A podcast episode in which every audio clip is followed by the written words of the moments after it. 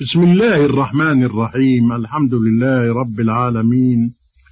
والصلاة والسلام على صاحب الخلق العظيم. أما بعد فهذه قراءات من صحيح الإمام البخاري مع شرحها أيها السادة المستمعون. السلام عليكم ورحمة الله وبركاته. قال الإمام البخاري رحمه الله تعالى كتاب النفقات. باب فضل النفقة على وقول الله عز وجل ويسألونك ماذا ينفقون قل العفو.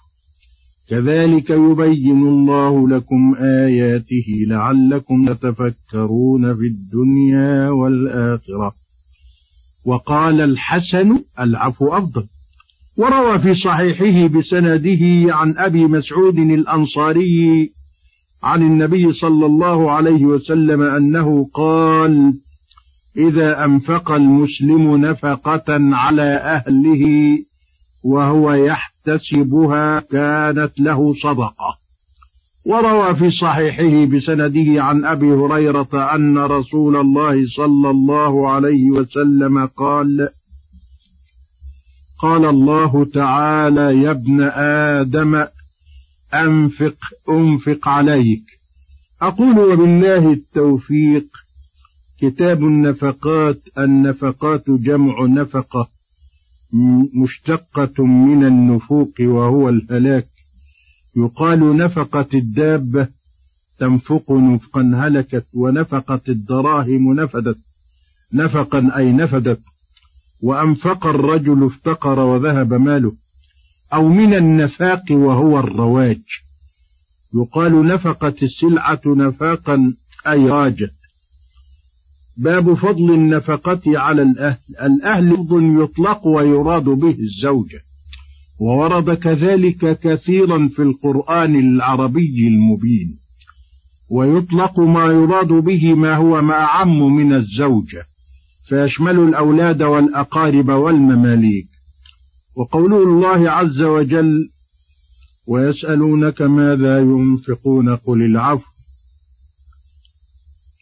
يسألونك معطوف على ما قبله وهو يسألونك عن الخمر والميسر ماذا ينفقون في إعرابها وجهان؟ الأول ما استفهامية مبتدأ وذا اسم موصول بمعنى الذي وصلته لفظ يتقون والعائد محذوف والتقدير الذي ينفقونه والموصول وصلة خبر ما.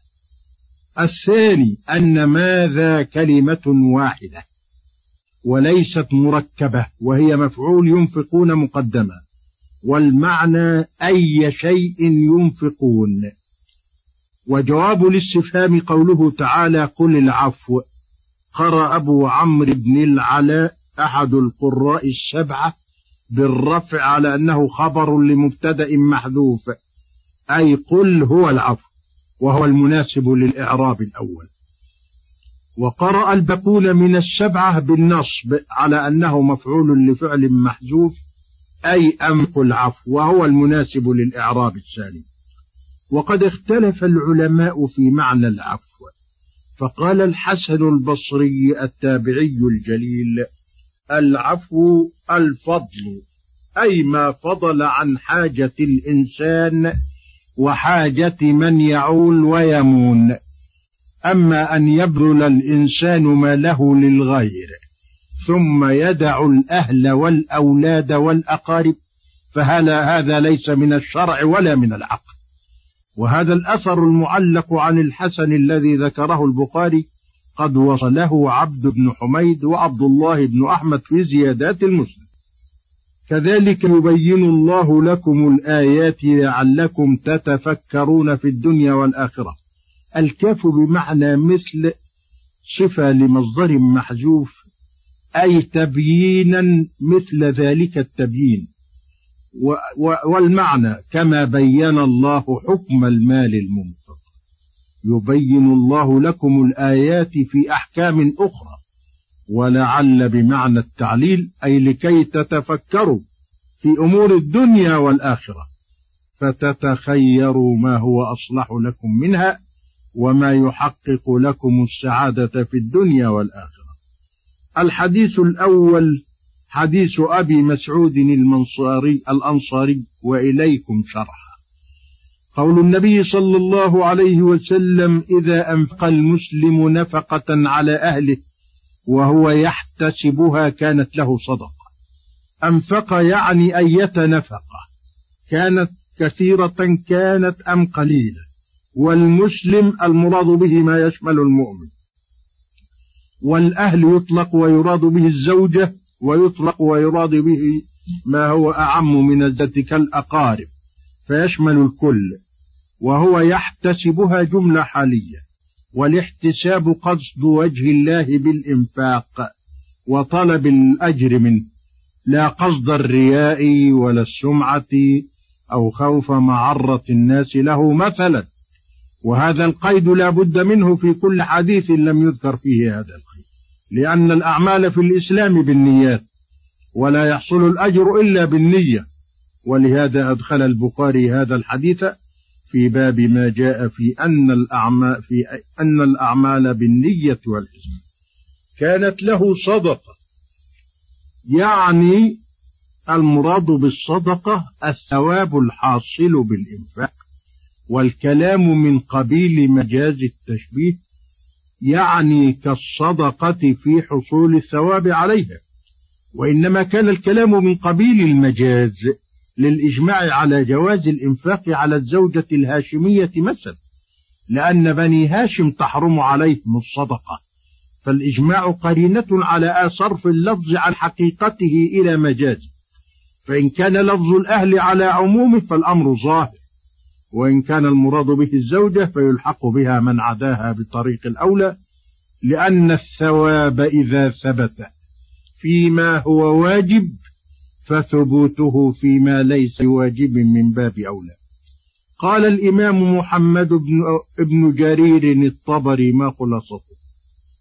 الإنفاق على الأهل واجب والذي يعطيه يؤجر على ذلك بحسب نيته وقصده ولا منافاة بين كونها واجبة وبين تسميتها صدقة بل هي أفضل من صدقة التطوع. وقال المهلب النفقة على الأهل أي الزوجة واجبة بالإجماع وإنما سماها الشارع صدقة خشية أن يظنوا أن قيامهم بالواجب لا أجر لهم فيه وقد عرفوا ما في الصدقة من الأجر فعرفهم أنها لهم صدقة حتى لا يخرجوها إلى غير الأهل إلا بعد أن يكفوا أهلهم. ترغيبا لهم في تقديم الصدقة الواجبة قبل صدقة التطوع. الحديث الثاني حديث أبي هريرة أن رسول الله صلى الله عليه وسلم قال قال الله تعالى أنفق يا ابن آدم أنفق عليه. هذا الحديث يعتبر من الأحاديث القدسية لقول النبي فيه قال الله تعالى. ومطابقته لترجمة الباب ظاهرة لأن النفقة تشمل النفقة على الأهل وغيرهم. وهذا الحديث ذكره البخاري في تفسير سورة هود من طريق شعيب بن أبي حمزة عن أبي الزناد لأتم من هذا. ولفظه قال الله تبارك وتعالى أنفق أنفق عليك وقال يد الله ملأى. لا يغيضها نفقة. سحاء الليل والنهار. وقال أرأيتم ما أنفق الله منذ خلق السماء والأرض؟ منذ خلق الله السماء والأرض فإنه لم يغض ما في يده وكان عرشه على الماء وبيده الميزان يخفض ويرفع. وقد أخرج مسلم الحديث أيضا من طريق همام عن أبي هريرة بلفظ إن الله تعالى قال لي أنفق أنفق عليه وعلى هذه الرواية يكون قوله في هذا الحديث يا ابن آدم المراد به النبي صلى الله عليه وسلم. ويحتمل أن يراد جنس بني آدم. ويكون تخصيصه صلى الله عليه وسلم بإضافته بإضافته إلى الله تبارك وتعالى. لكونه رأس الناس فتوجه الخطاب إليه ليعمل به ويبلغ أمته. أنفق يا ابن آدم أنفق عليك. أنفق بفتح الهمزة فعل أمر. أنفق عليك بضم الهمزة فعل مضارع. وهو مجزوم على جواب الأمر. وهو وعد من الله بالإخلاف عليه. ومنه قوله تعالى وما تنفقوا من شيء فهو يخلفه. صدق الله العظيم وبلغ رسوله الأمين. وإلى شرح القراءة التالية غدا إن شاء الله. والسلام